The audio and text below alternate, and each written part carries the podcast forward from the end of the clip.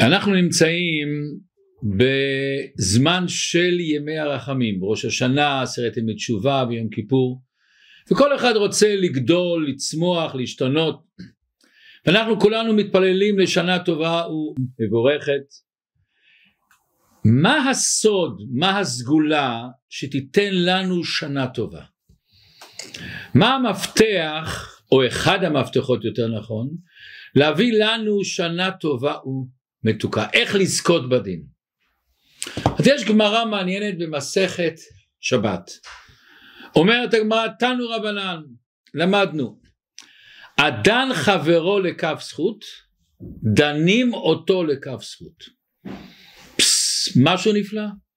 אנחנו צריכים לדון את החבר שלנו לכף זכות, ממילא מידה כנגד מידה, בשמיים גם דנים אותנו לכף זכות.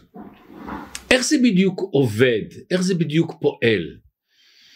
איך זה בדיוק עושה שאם אני דן את החבר שלי מיד אני גם מקבל את אותו שפע. אז בואו קצת נעשה איזה הקדמה קטנה. כולנו יודעים שהאדם הוא הנברא שהכי עושה לעצמו טוב. הוא יכול להצמיח את עצמו, להגדיל את עצמו, לעשות נפלא. אבל מצד שני האדם הוא גם לפעמים השונא הכי גדול של עצמו. אף אחד לא יכול לפגוע בנו לפני שקיבל מאיתנו רשות או הסכמה. הבחירה היא תמיד בידינו.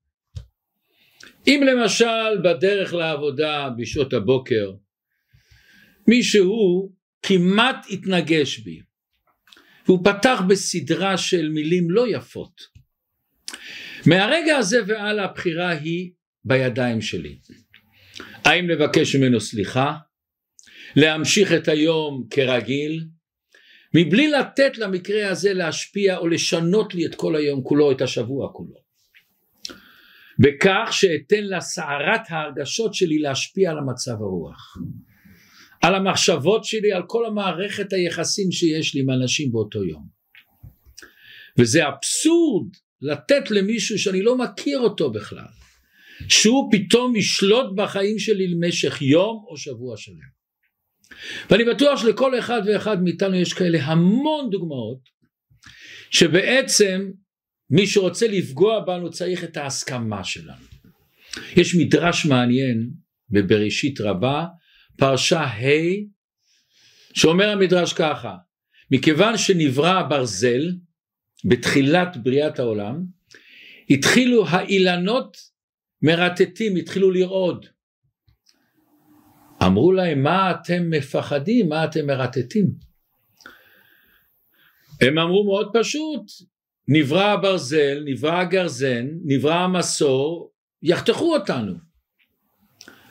אמרו להם עץ מכם אל ייכנס בי אומר הברזל אם אתם לא תיתנו לי את הידית שלכם שייכנס בתוך הברזל אין אחד מכם ניזוק מה העומק של המדרש הזה? שבעצם תמיד אנחנו מסוגלים לעשות לנו את הכי רע בעולם. ברגע שאנחנו מקבלים, מסכימים להכניס את הרע בתוכנו, את הכעס, את הקינה, את התאווה, את כל המידות הרעות למיניהם. הכל מתחיל בבן אדם. ובואו לפי זה נבין משנה מעניינת מאוד. אומרת המשנה, משנה מפורסמת בפרקי אבות, פרק שלישי, עקביה בן מהללל אומר, הסתכל בשלושה דברים ואין אתה בא לידי עבירה. דע מאין באת, ולאן אתה הולך, ולפני מי אתה עתיד ליתן דין וחשבון. והרבה מהמפרשים שואלים מה זה דין וחשבון? אנחנו יודעים שעושים את הדין עושים בהתחלה את החשבון, מה הבן אדם עשה טוב, מה הוא עשה לא טוב, ולפי זה קובעים את הדין. מה כתוב פה? דין וחשבון. צריך להיות חשבון ודין. מביא רב נחמן מברסלב בשם הבעל שם טוב הקדוש. אבל שם טוב אומר דבר נפלא שיכול לשנות לנו את כל החיים. ואפשר לדבר על זה בכמה צורות, היום נראה מבט אחד, אם ירצה השם בהזדמנות הבאה נראה עוד מבט. והבעל שם טוב מביא את הנביא. אנחנו כולם מכירים את הסיפור של דוד המלך, שהוא הלך והתחתן עם בת שבע וכל הסיפור. ואז כתוב וישלח השם את נתן, נתן הנביא אל דוד. ויבוא אליו. ויאמר לו אני רוצה לספר לך סיפור, שני אנשים היו בעיר אחת, אחד עשיר ואחד לא כל כך עשיר. לעשיר היה צאן ובקר הרבה מאוד, ולרש לעני אין קול כי אם כבשה אחת קטנה. שהוא קנה אותה והוא גדל איתה ותגדל עמו ועם בניו יחדיו. מפיתו מהלחם שלו תאכל ומכוסו תשתה ובחיקו תשכב. והייתה לו לבת הכבשה הזאת הייתה כמו בת שלו. ובא מישהו אחד לאיש העשיר והוא רצה להכין לו אוכל לקראת האורח שלו העשיר והוא לא רצה לקחת מצונו ובקרו לעשות לאורח הבא לו מה הוא עשה? ויקח את כבשת האיש הוא לקח את האיש הרש הזה העני הזה לקח את הכבשה שלו שחט אותה ויעש לאיש הבא אליו. ונתן שואל את דוד המלך מה אתה אומר על הסיפור הזה? ואיחר אף דוד באיש מאוד ויאמר אל נתן חי השם כי בן מוות האיש העושה זאת איך אתה עושה כזה דבר? ואת הכבשה ישלם ארבעתיים הוא צריך לשלם פי ארבע לכבשה הזאת.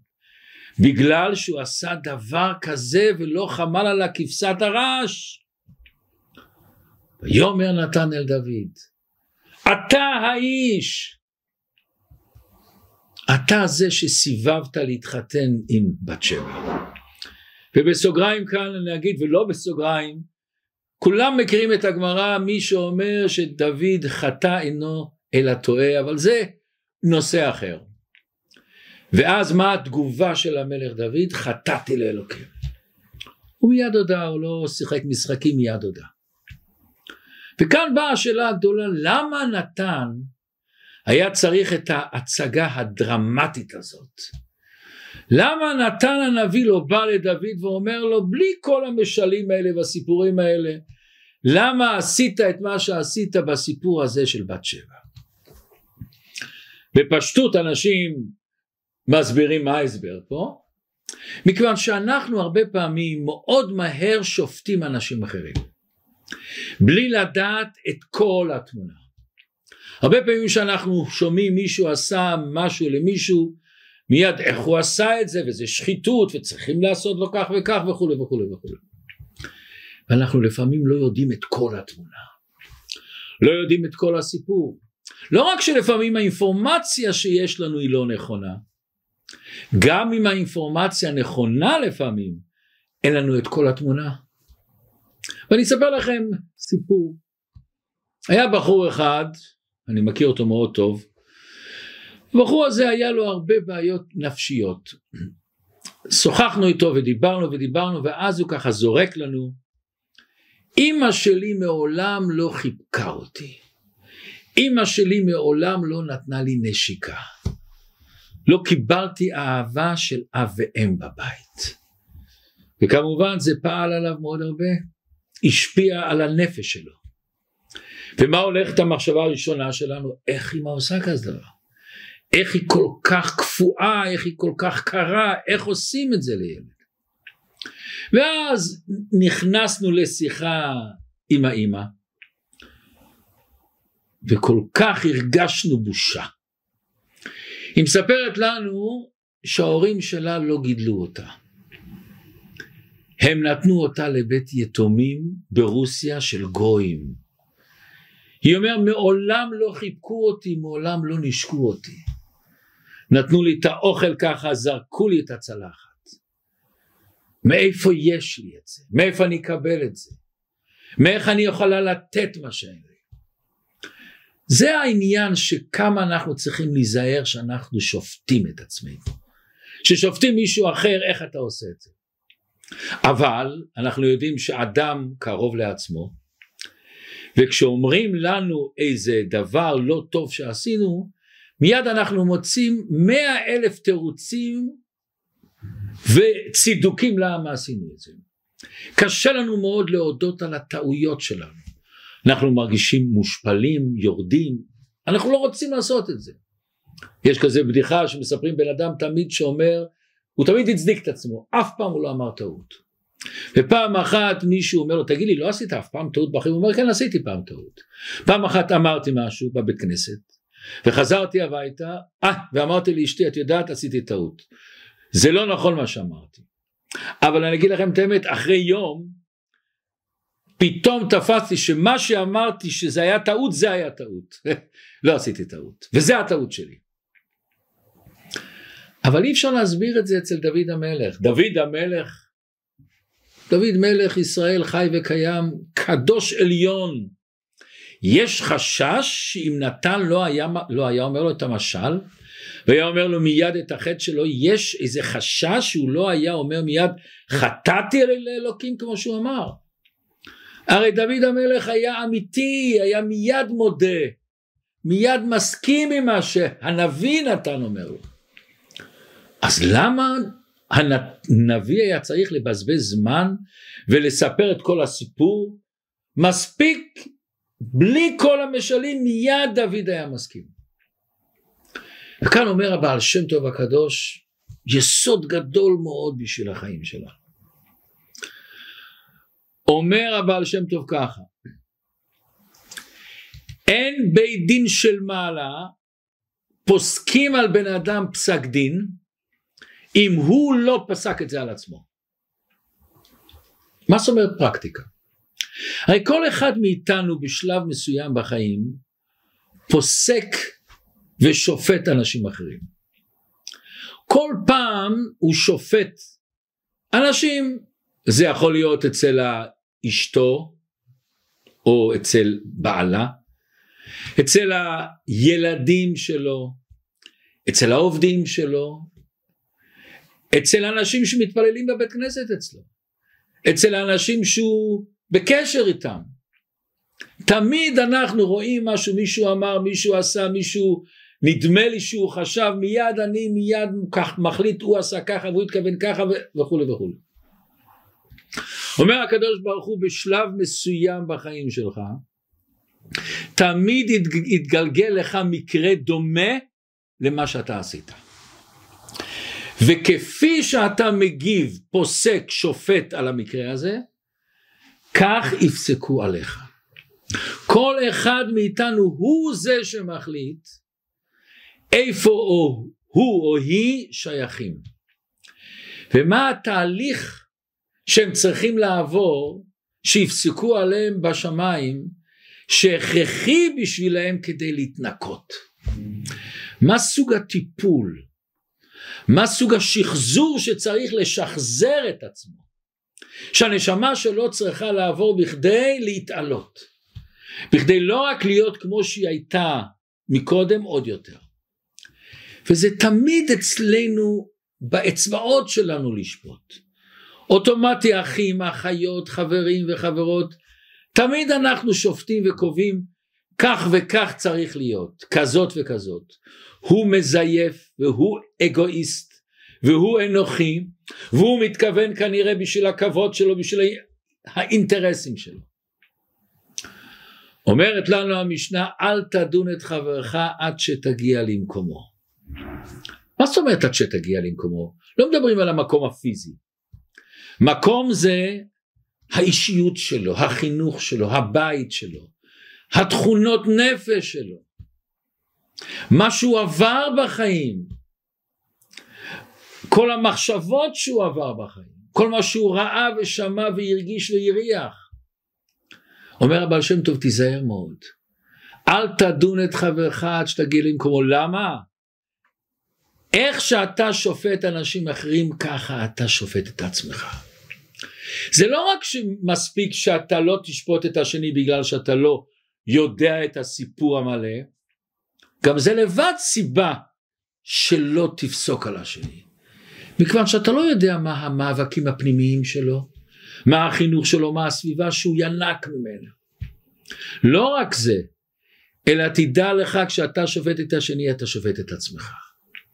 וכשזה יבוא לעצמך תחפש לראות את הזכויות, תחפש אצל השני.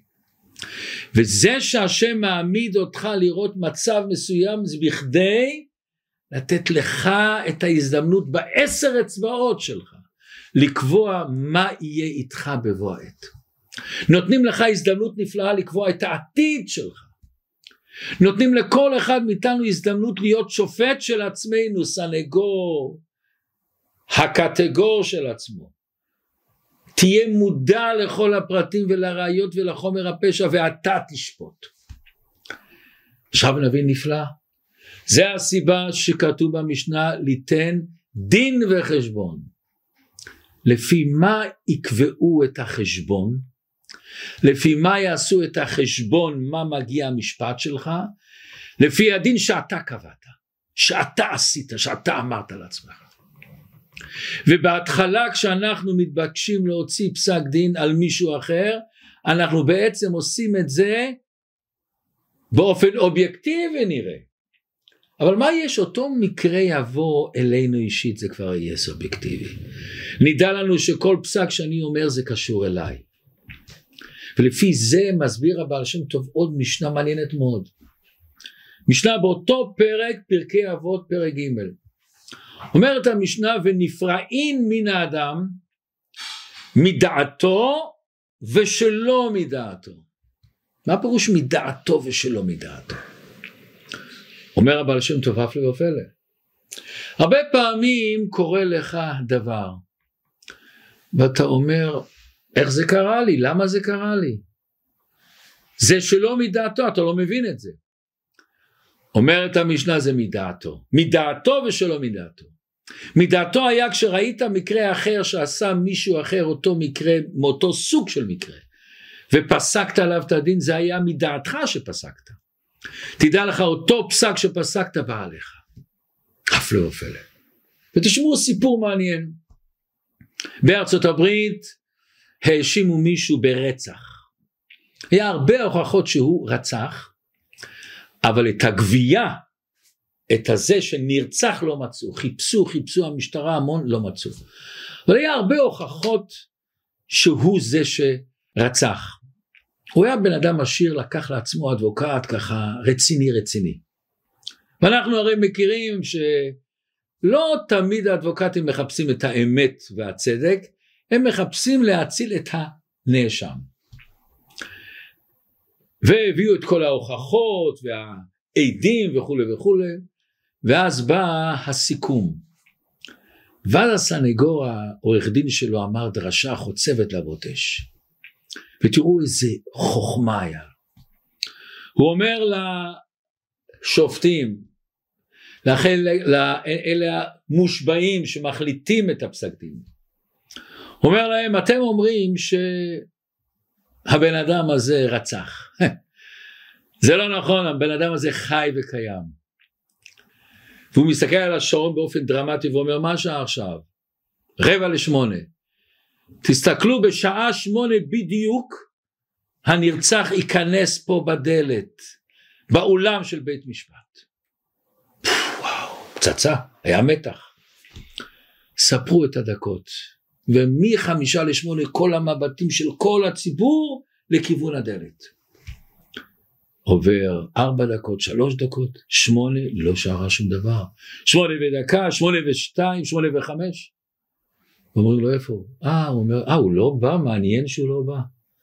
אבל אני רוצה להגיד לכם, אם אתם רוצים לשפוט על בן אדם שהוא רוצח ולהרוג אותו, צריך להיות ברירות של 100%, זה לא 80%, זה לא 75%. אם הייתם 100% שהבן אדם הזה באמת רצח, ומה שאני אמרתי לכם שהנרצח חי וקיים זה לא אמת, הייתם כולכם מסתכלים במתח גדול לכניסה לראות אם הוא מגיע או לא מגיע, לא הייתם מסתכלים, אתם בטוחים. אה, סימן שאתם לא בטוחים. סימן שבתוך תוככם בלב שלכם אתם לא בטוחים. היה שקט וכולם הלכו לחדר הצדדי להתייעצות. לא עבר הרבה זמן, חמש דקות, וכל המושבעים באים ודופקים על השולחן עם הפטיש ואומרים הוא רצח. ואיך איך באתם כל כך, כל כך בכמה דקות? איך, איך זה בא? אומר פשוט מאוד, כמה מאיתנו ראו ושמו לב שכולם הסתכלו על הכניסה חוץ מהנאשם, הוא לא הסתכל, סימן שהוא רצח. הוא פסק על עצמו. אם אנחנו לא מוכנים לתת לאנשים ליהנות מהספק ולדון אותם לכף זכות, אותו היח"צ יכול חס ושלום לחזור ולרדוף אחרינו. ותמיד נחשוב האם אנחנו באמת יודעים את כל הפרטים של הסיפור? האם האשמה שלהם כל כך ברורה? האם המניעים שלהם כל כך ברורים כשמש? לפעמים האשמה של אנשים אחרים נראה לנו מאוד ברורה מרחוק. אבל הדברים נראים לגמרי אחרת כשאנחנו מתקרבים לעניין. כאשר אנחנו מואשמים האשמה שלנו היא רק לעיתים נדירות מובנת מאליה. קדוש ברוך הוא שולח את הסיפורים שלנו לאנשים אחרים, שאנחנו נשפוט אותם, שאנחנו נראה אותם. אני לא אשכח את זה בחיים שלי. כשהייתי צעיר למדתי בית ספר יסודי התורה בתל אביב. היה לנו מורה מיוחד במינו שנפטר לפני כמה זמן, רב מוישה טורק, האהבה שלו עד היום, אני מרגיש את האהבה שלו, את הלטיפות שלו, בפנים, בידיים, משהו. והיה לנו בכיתה בחור שאני כמובן לא רוצה לומר את שמו, שלא התנהג הכי יפה. הפריע בכיתה, השתולל, היה אפילו פעם שלקח כיסא וזרק את זה על החלון ושבר את החלון. והיה לנו מורה, אה, מורה נפלא. ואז המורה הזה אומר, וואו, אני רואה שיש לך חוש לקלוע על המטרה. והמנהל רב מוישה טורק אומר לנו, תנסו לקרב אותו. עבדו איתו מכל הצדדים. בהתחלה עבדו איתו בטוב, שאם הוא יתנהג טוב ייתנו לו מתנות, ייתנו לו וכולי וכולי וכולי. וזה לא עבר, התחילו ללכת במידת הגבורה, כל השיטות לא עבדו. ואז המנהל אמר, תנסו להזמין אותו הביתה, תקרבו אותו. אז כל ראש חודש, לא כל, הרבה פעמים הזמנו אותו הביתה, היה לנו הפסקה, לא היה בית ספר אחרי צהריים, וגם במשך השבוע לפעמים. הוא לעולם לא הזמין אותנו. ואז אני וחבר שלי טוב, החלטנו, אנחנו עושים לו הפתעה, הולכים אליו. הוא היה גר בדרום תל אביב. והלכנו, ואמרו לנו את הכתובת, באנו למקום, לא היינו אף פעם, אז היו כאלה צריפים.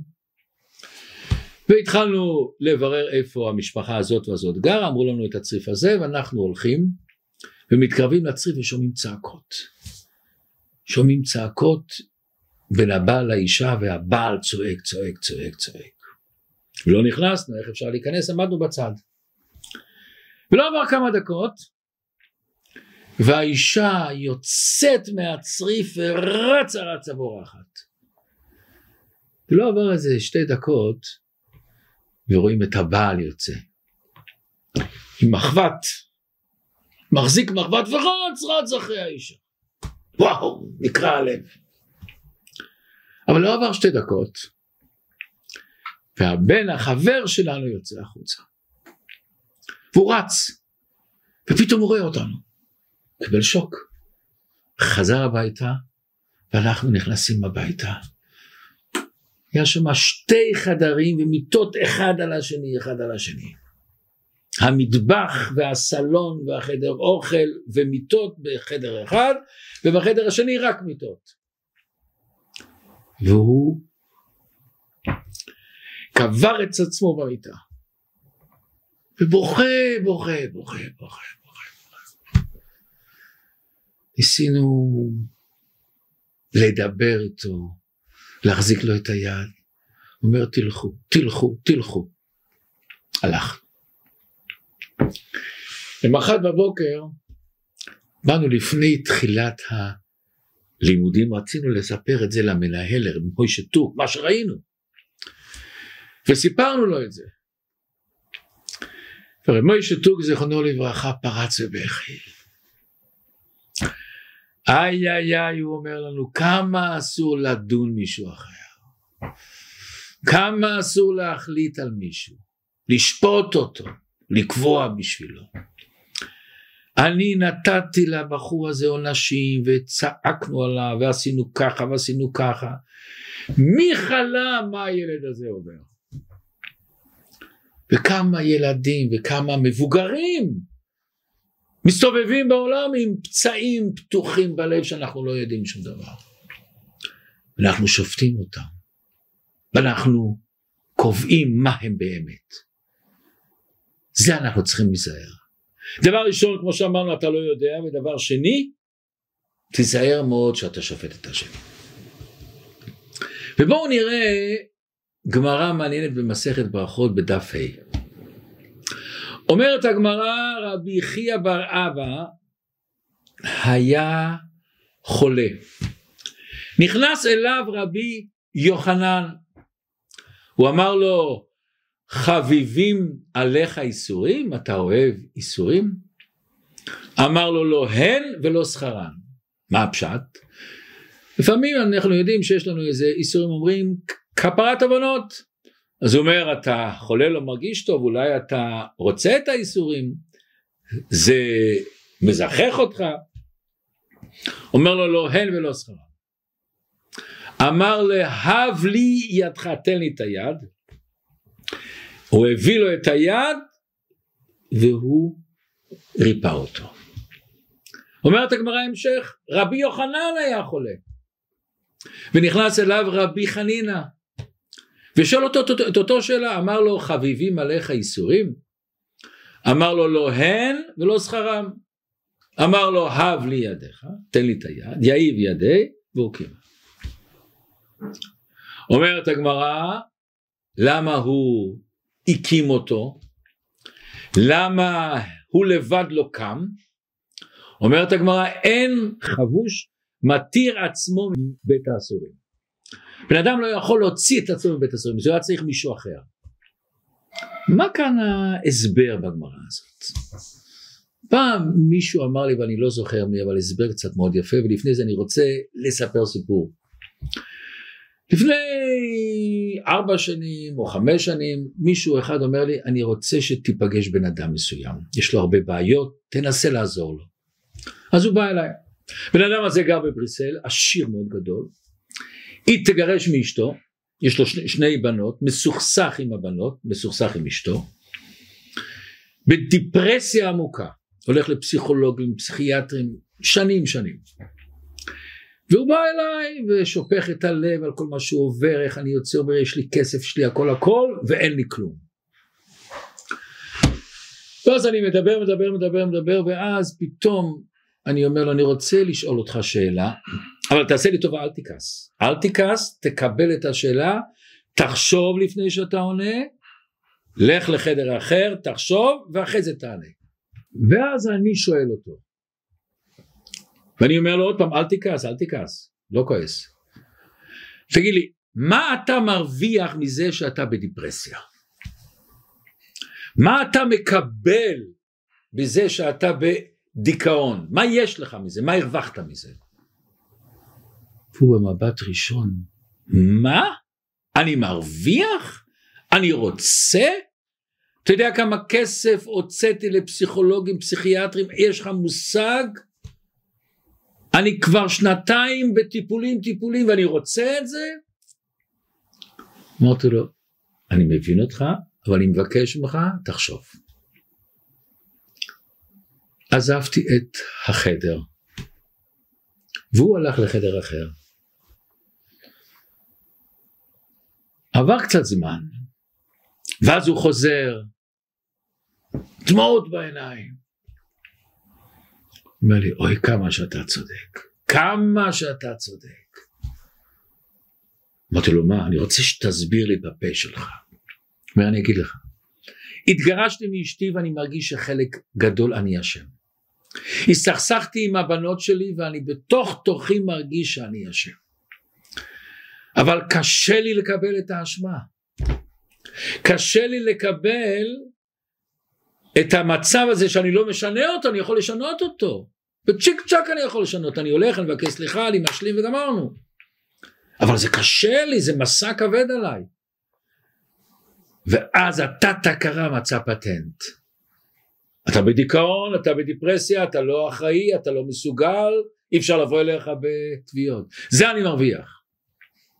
והרבה פעמים בן אדם בתוך תוכו, חס ושלום, מסכים עם זה שיש לו איזה בעיה. מסכים עם זה שיש לו איזה סכסוך, לא חשוב במה, כל אחד בתחום שלו. למה? בתת הכרה הוא מרוויח מזה משהו. הוא מקבל מזה משהו. בדרך מסתורית לא תמיד גד... תלוי לעין מה שאנחנו באמת רוצים. אנחנו יודעים את הסיסמה המפורסמת שהרב במהר"ש אמר, תחשוב טוב יהיה טוב. אבל הוא התכוון לזה כפשוטו כמשמעו.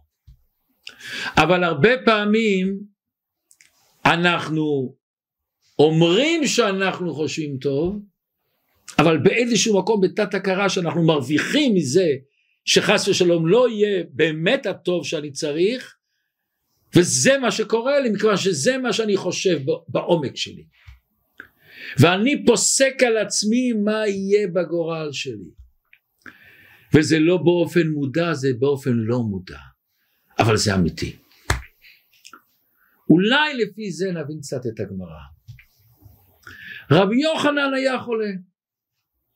ורבי חנינא נכנס לבקר אותו.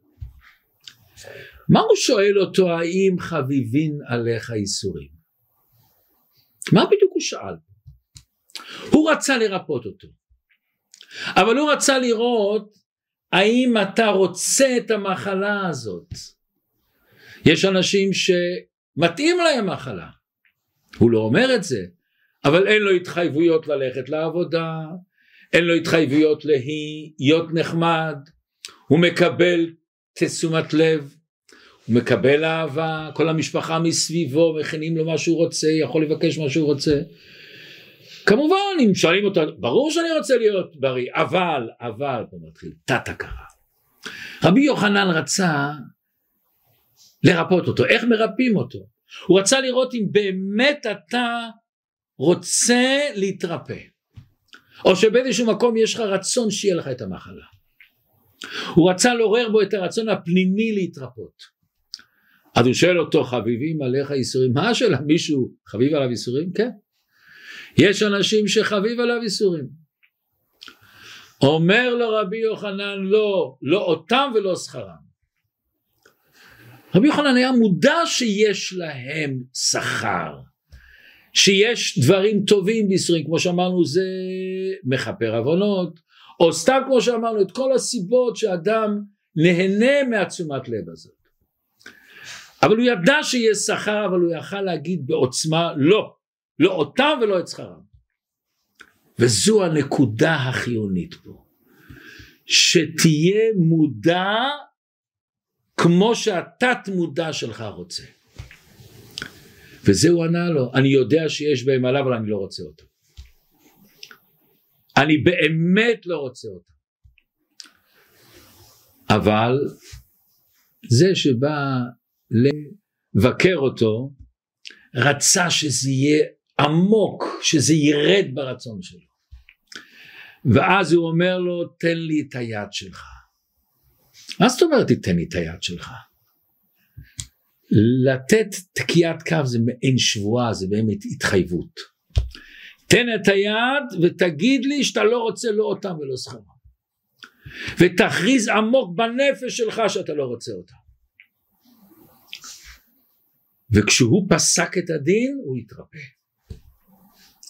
הוא הקים אותו. אין חבוש מתיר את עצמו אומרת הגמרא לפעמים אתה צריך דווקא מישהו אחר שיעורר בך מה אתה באמת. מכיוון שאתה לפעמים מסונבר, לא רואה. אבל פה באה השאלה הגדולה שהרבי שואל. אומר הבעל שם טוב שבן אדם בשמיים בית דין של מעלה לא יכול לפסוק עליו אם הוא לא פוסק על עצמו. למה זה צריך להיות ככה? מה, בית המשפט בשמיים בית דין הם לא רואים מספיק? הם לא אובייקטיביים מספיק? חסר להם האמצעים איך לקבל את ההחלטה בעצמם? ומה יקרה אם בן אדם בוחר שלא לשפוט אף אחד אז לא ישפטו אותו? מה, מה, מה, מה הולך פה בדיוק? בית דין של מעלה, מלאכים, שרפים, הם לא יכולים לפסוק על בן אדם? רק עד שהוא פוסק?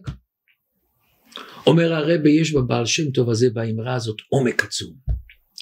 והרבי מסביר שבעומק הזה בעצם כל תורת הבעל שם טוב נמצאת. כל יהודי ויהודי יש לו חלק אלוקה ממעל ממש. יש לו נשמה אלוקית. אף מלאך בשמיים כמה שהוא לא יהיה יותר קדוש לא יכול לשלוט על הנשמה. היא חלק אלוקה ממעל ממש. אתה יכול להסתכל עליך כמו גוף בן תמותה מורכב מבשר דם וגידים. היום פה מחר שם. נופל יורד אתה מסתובב סביב הגוף שלך. ולפעמים אתה לא מזהה מה מסתתר בתוך הגוף הזה. נשמה חתיכה של הקדוש ברוך הוא אור אין סוף. נצח. אומר הבעל שם טוב אומר הקדוש ברוך הוא אף אחד לא יכול לשלוט עליך. ולא לחינם אנחנו הרי מכירים שיעקב אבינו נלחם עם שרו של עשיו. הלך למלחמה עצומה ואז המלאך לא הצליח לשלוט על יעקב ואז אומר לו יעקב תברך אותי ויאמר אומר המלאך לא יעקב יאמר עוד שמך כי אם ישראל מה זה ישראל? כי שרית עם אלוקים ועם אנשים ותוכל ישראל זה שר אתה שולט על אלוקים מה זה אלוקים? מלאכים נקראים אלוקים, על עוצמה עצומה. יש לך כוח להילחם עם מלאך. אתה שר ושולט אפילו על המלאכים. אתה שולט אפילו על הבייס דין של מעלה. בית דין לא יכול לקבוע שום דבר בשבילך אם אתה לא קבעת את זה. לא בעולם הזה ולא בעולם הבא. אתה קובע את הגורל שלך. הנשמה שלך היא מעל כולם. ואין לאף אחד את העוצמה לשלוט. מספרים שהיה פעם בן אדם בארצות הברית שקנה שטחים והיה לו קבלן שבנה את הבתים ובגלל הקבלן הזה הוא הרוויח הרבה כסף, הרבה כסף.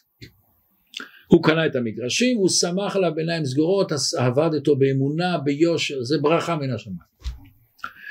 אחרי שעברו איזה 40 שנה בא הקבלן לבעל הבית אומר לו תראה אני הולך לפנסיה יש לי כסף שמתי כסף בצד מהמשכורת שנתת לי אומר מה אתה עוזב אותי? איך אני איך אני מי מי, מי יבנה בשבילי? מי אני? בזכותך נהייתי כזה עשיר.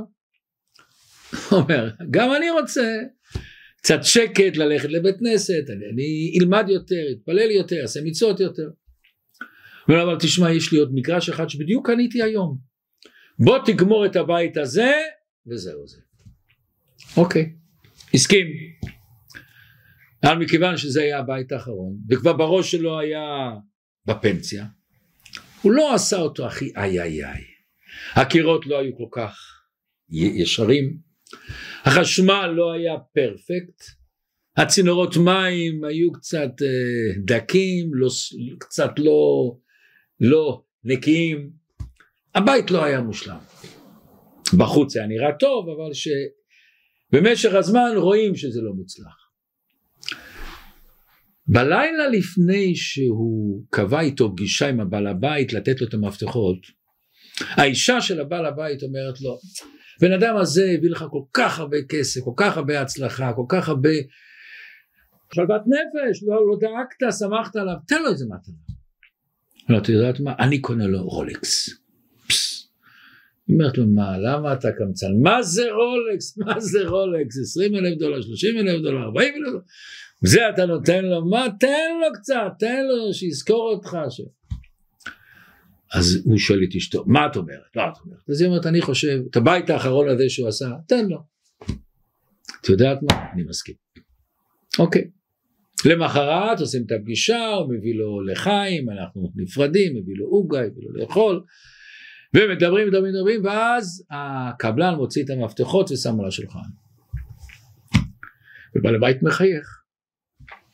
הבעל הבית לוקח את המפתחות ומחזיר את זה.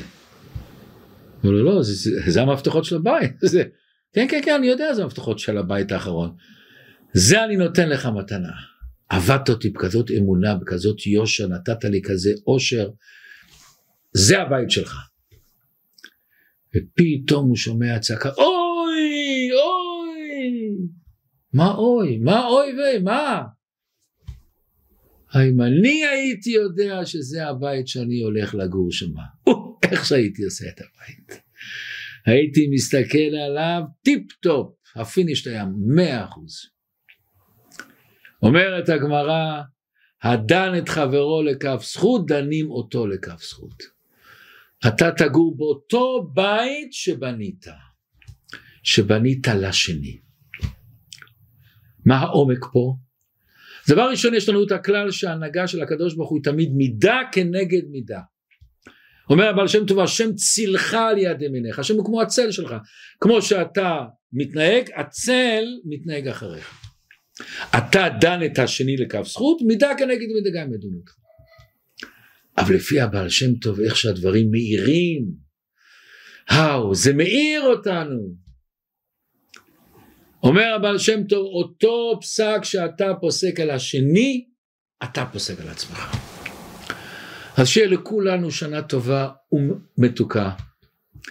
שננצל את האמרה הנפלאה הזאת שאתה דן את השני לכף זכות, דנים אותך לכף זכות. שננצל את זה וננקה את הלב שלנו ונראה את החיים באור, באור של קדושה, באור של טוב. שנזכה בקרוב ממש ומלא הארץ דעה את השם כמים לים מכסים.